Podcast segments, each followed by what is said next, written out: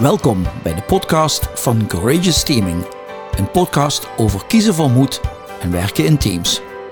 In iedere aflevering gaan André en Ewoud in gesprek met een gast over praktisch toepasbare ervaringen en inzichten voor energieke samenwerkingen. Vandaag interviewen we Wim Bovendeur, directeur projecten Rivieren en Dijken bij Boskalis Nederland. Wim geeft samen met een collega leiding aan deze business unit van Boskalis, die projecten uitvoert in opdracht van het Rijk en de waterschappen.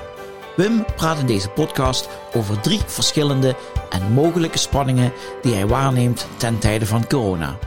Mijn naam is uh, Wim Bovendeur. Ik ben werkzaam in de bouw, om het zo maar te zeggen, meer specifiek bij uh, Boskalis Nederland. En daar geef ik leiding met uh, een collega aan, het, uh, aan de businessline Rivieren en Dijken. Even terugblikken, Wim. En doen we langs drie lijnen. Even, hoe is het bij Boskalis de afgelopen maanden? Uh, hoe is het voor jou geweest? En ook de mensen waaraan jij leiding geeft. Dat is even de opbouw. Dus even terugblik, één ding tegelijk. Is, hoe hebben jullie bij Boskalis geregeld de afgelopen maanden met, die, met het hele social distancing gebeuren? Wat is jullie policy, wat is jullie werkwijze? Er zijn verschillen in benaderingen in, uh, in, uh, in Papendrecht. Dus het internationale deel van de onderneming is uh, eigenlijk wel een harde shutdown geweest. Er zijn alle toegangspassen geblokkeerd. dus het is direct helemaal op um, afstand gaan werken. Hier in Nederland hebben we, zo zijn we eigenlijk wel begonnen. En daarna hebben we uitgezocht hoe, we, hoe je nou verschillende afdelingen weer aan het werk kunt laten gaan. Daar zijn wij eigenlijk vanaf dag 1 mee bezig geweest hoe je dat kunt doen. Dus zowel met de inregeling in het gebouw zelf. En dus de, de maatregelen. Dus fysieke maatregelen aan het pand. En daarnaast ook gekeken op wie moet nou aanwezig zijn en wanneer. Even naar persoonlijk hè. Hoe heb jij het persoonlijk ervaren die afgelopen maanden, het begin en nu? Die hele verandering. Die hele social distancing. Ja, er kent er een aantal dimensies. Hè. Uh, enerzijds was ik zelf wel altijd van, joh, fysiek bij elkaar, dat vind ik zelf het prettigste. Um, ik heb wel geleerd dat bepaalde dingen ook prima via Teams kunnen. Hè? Dit gesprek dat wij nu hebben. Had ik waarschijnlijk vorig jaar gezegd, nou laten we elkaar maar zien. Anderzijds heb ik ook heel duidelijk de, de limiteringen ervan ontdekt. Er zijn ook gewoon een aantal dingen die pertinent niet via, uh, nou, wat je normaal niet via telefoon doet, gaat ook niet via Teams. En met name dus waar het uh, even spannend wordt, waar relaties onder druk staan, waar het gaat om, belangrijke zaken, zeg maar wat voor gebied dan ook, om dat nou toe te vertrouwen aan, uh, aan puur digitaal contact, daar heb ik ook van geleerd dat het echt niet kan. En sterker nog, ik heb het ook expliciet nadat het een paar keer mis is gegaan. Um, nou, verboden is een heel groot woord, maar wel bijna. In principe niet. Ja, want wat mist er dan voor jou? Ja, er missen een aantal dingen. Punt 1, als je Kijk, als het in kleine gezelschappen is, dan, dan kun je het redelijk goed krijgen. Je mist alleen een deel van de, de interactie, de non-verbale interactie. En wat je ziet is dat een bepaalde groep mensen die nog maar rond de tafel zich wel uitspreekt. En zeker als je zegt, joh, kom maar even en zeg maar even wat jij ervan vindt. Hè. Ik merk dat als voorzitter, um, uh, of je het mezelf doet of een ander dat doet, dat het veel harder werken is om iedereen aan het woord te laten. En je minder goed ziet dat bepaalde mensen eigenlijk duiken. Dus, die, dus usual suspects zie je nu nog verder duiken. Dus je ziet als leidinggevende dat het verstoppen, dat wordt wat makkelijker. Ja, correct. Ja. Zullen we eens even het stapje maken naar, naar mensen? Ja. Dat, als je nou om je heen kijkt, daar waren wij ook wel benieuwd. Je hoeft daar natuurlijk geen namen te noemen, maar heb je mensen gezien waarvan je gezien hebt, goh, die zijn ook in deze tijd echt gaan floreren? Die, die hebben hier eigenlijk echt baat bij gehad dat we misschien uh, op een andere manier zijn gaan samenwerken?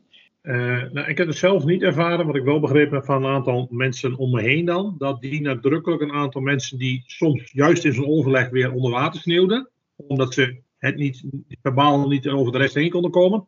Dat die nu meer positie claimen. Dat is wel paradoxaal ten opzichte van wat ik net zei in de vergadering zelf. Maar eromheen hebben ze wel meer ruimte gekregen nu.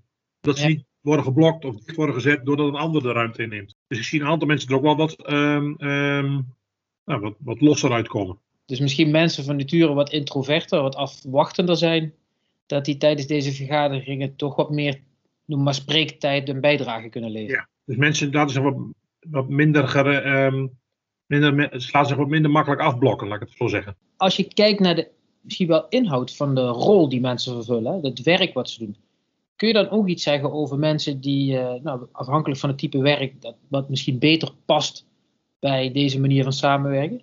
Wat je ziet is dat in een, in een, um, met name als je werkt met veel specialisten, die kunnen eindeloos doorpalaveren over een klein detail.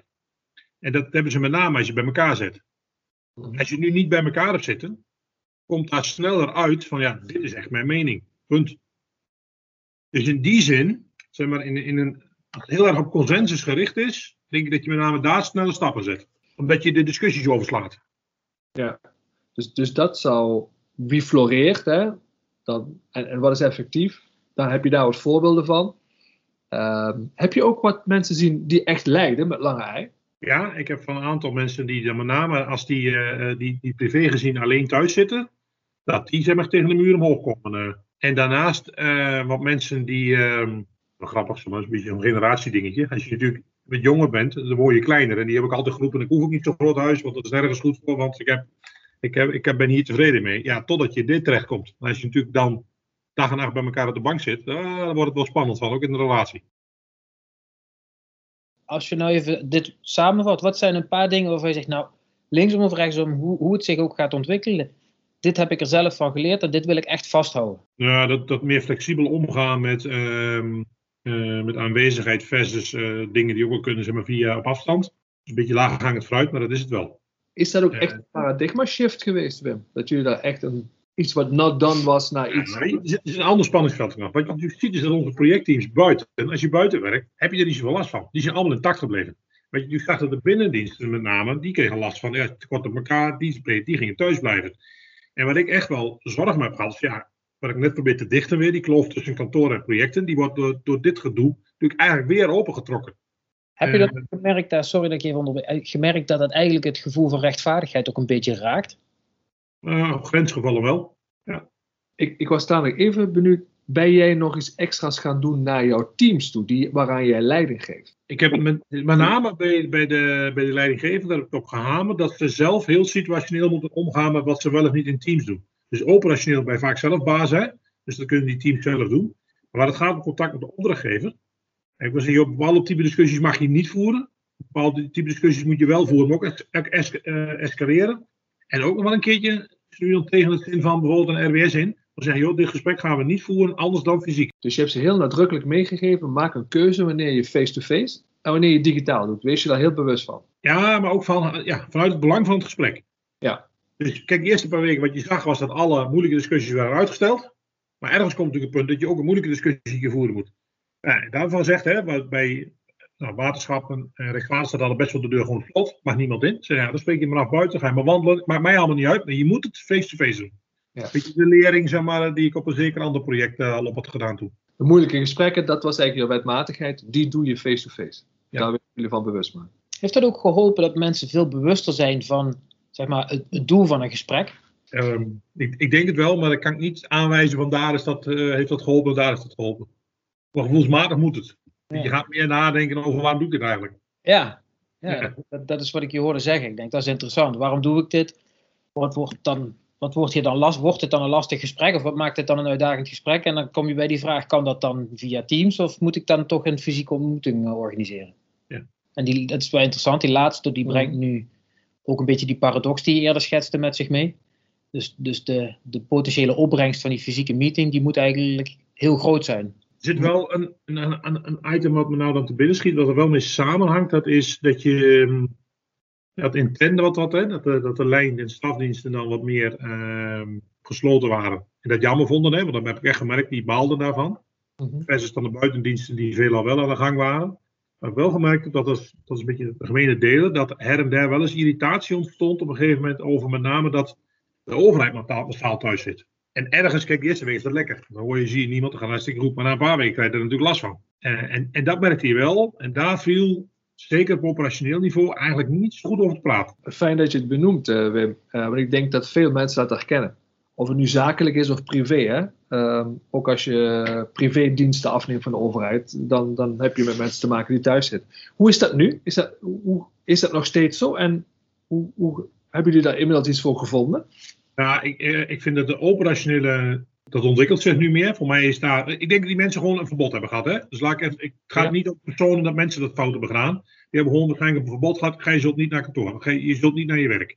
Wat je zag was dat op projectniveau daar op een gegeven moment een klein beetje de hand mee werd gelicht. Dus dat ja, impliciet zeg maar, zag je toch mensen die zeiden, ja, maar ik moet toch gewoon zijn, want anders gaat dat niet. Hè? Die, die, die namen een verantwoording en die, die nou, of ze dat nog hokten of de toestemming vroegen, dat weet ik eigenlijk niet, maar die begonnen weer toch, toch wat te komen. En inmiddels gaan de luiken toch wel weer wat dicht her en der, met, met die voortzetting. Ja, dus waarschijnlijk zeg jij, zitten, hebben die mensen zitten ook in zo'n spagaat die jij net schetst. Ja. Aan de ene kant uh, wordt mij waarschijnlijk het verbod opgelegd om, Mhm. om mijn werk buiten mijn huis te vervullen. En tegelijkertijd voel ik ergens dat wil ik mijn rol in het belang van het project goed invullen, dan, dan, dan zou ik er eigenlijk naartoe willen. Dus ik kan me voorstellen dat mensen ook in een soort in diezelfde spagaat zitten die jij net schetste. Dat kan niet anders. Hey, eh, nog heel even terug naar die mensen op het project. Je zei die hadden er last van. Waar hadden ze dan precies last van? Welk, wat, wat begon te, te, te borrelen bij je? Ja, na verloop van tijd kan je natuurlijk gewoon domweg, eh, eh, je moet keuzes maken in je project, ga ik naar links of ga ik naar rechts. En dat vergt even dat je of buiten kijkt, of dat je elkaar even aankijkt, doen we dit wel of doen we dit niet. Of moeten we niet even samen naar die vergunningverlener om dat voor op te lossen. Dat, dat soort gesprekken werd ingewikkeld.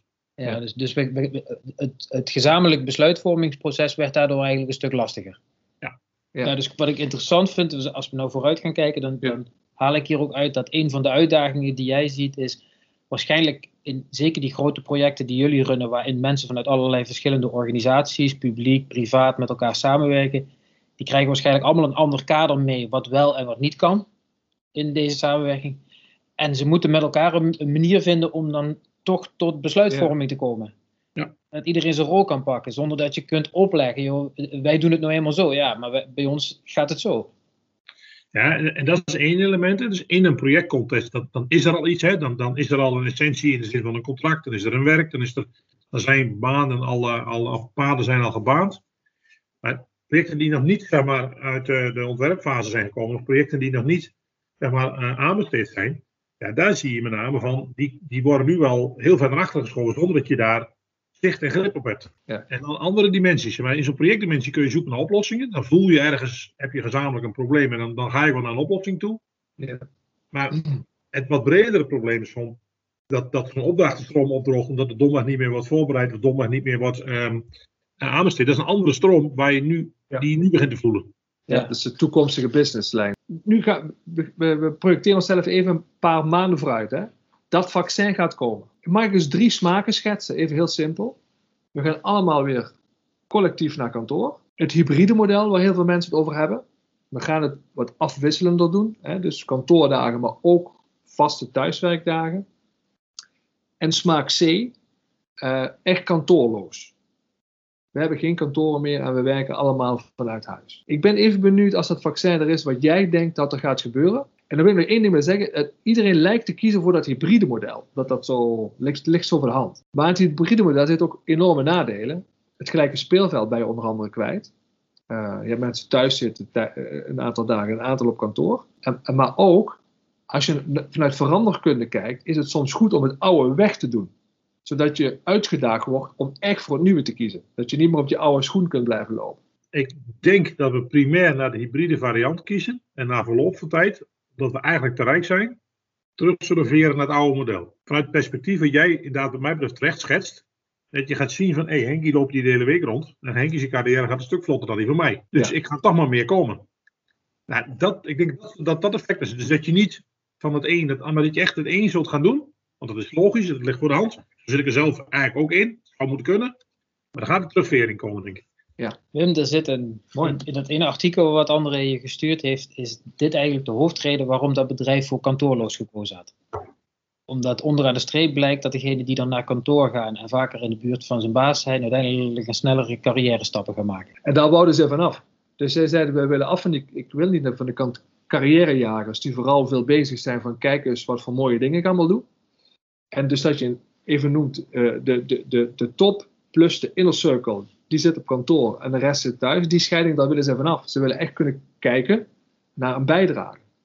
En dat je gemist, je hebt gemist als je dat gaat doen, dat je dat op een andere manier gaat organiseren. Uh, dat is wat zij doen. Dus wel mensen reisbudgetten geven om in kleine groepjes, om in bila's, et cetera, elkaar te zien. Uh, maar ze, hebben als uitgangspunt genomen uh, een gelijk speelveld te creëren voor iedereen. Ik moet toch nog heel even, je hebt een uitdaging genoemd. die uitdaging, die, die kloof dichten tussen zeg maar, de mensen die in de projecten werken en de mensen op kantoor. Zie je daar nog iets voor jezelf weggelegd? Hoe zorg je ervoor dat die kloof niet groter wordt, dat die juist dichter tot elkaar komen? Uh, punt 1, dit gesprek opnieuw. Hè. Ik, ik, was me daar wel bewust van, maar dat heb ik me dan nog meer gerealiseerd. Hebben jullie nog even ingewreven, om het zo maar te zeggen, dat die kloof eerder groter wordt en kleiner op dit moment. Hè? En dat ik daar dus nog meer aan, mee aan de slag moet.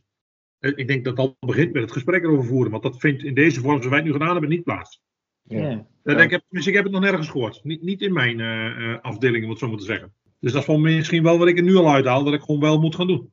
Ik als dit langer gaat duren. Joh, als je die jongens bij elkaar, spreken maar eens uit. Ik ga me daarbij aansluiten. Uh, ik vond het een hele mooie. Jij, in, in ons gesprek, en dat heb jij vooral getriggerd, is, ik noem het maar even de sociale ongelijkheid. Um, voor mensen die geen keuze hebben, die moeten naar de fabriek en de kantoormensen, maar ook tussen privaat en publiek. Uh, daar zijn mensen risico's aan het nemen en, en mensen die bij de overheid werken, die zitten daar weer anders in. En dat we het over die spanningen gaan hebben. Dankjewel. Dankjewel. Oh, graag gedaan. Natuurlijk zijn we hartstikke benieuwd hoe jullie deze podcast ervaren hebben. Dus als jullie feedback hebben, dingen die je ontzettend gewaardeerd hebt, of dingen waar je denkt, jongens, daar kunnen jullie nog wat winst boeken, wij horen het graag kunt je berichten sturen naar info@courageousteaming.com. En tot slot, we zouden het tof vinden als je een audioberichtje naar ons wilt sturen, zodat we de volgende gasten kunnen vertellen wat jouw vragen zijn. Dus graag een audioberichtje met jouw vragen naar het telefoonnummer 06 22 99 35 39.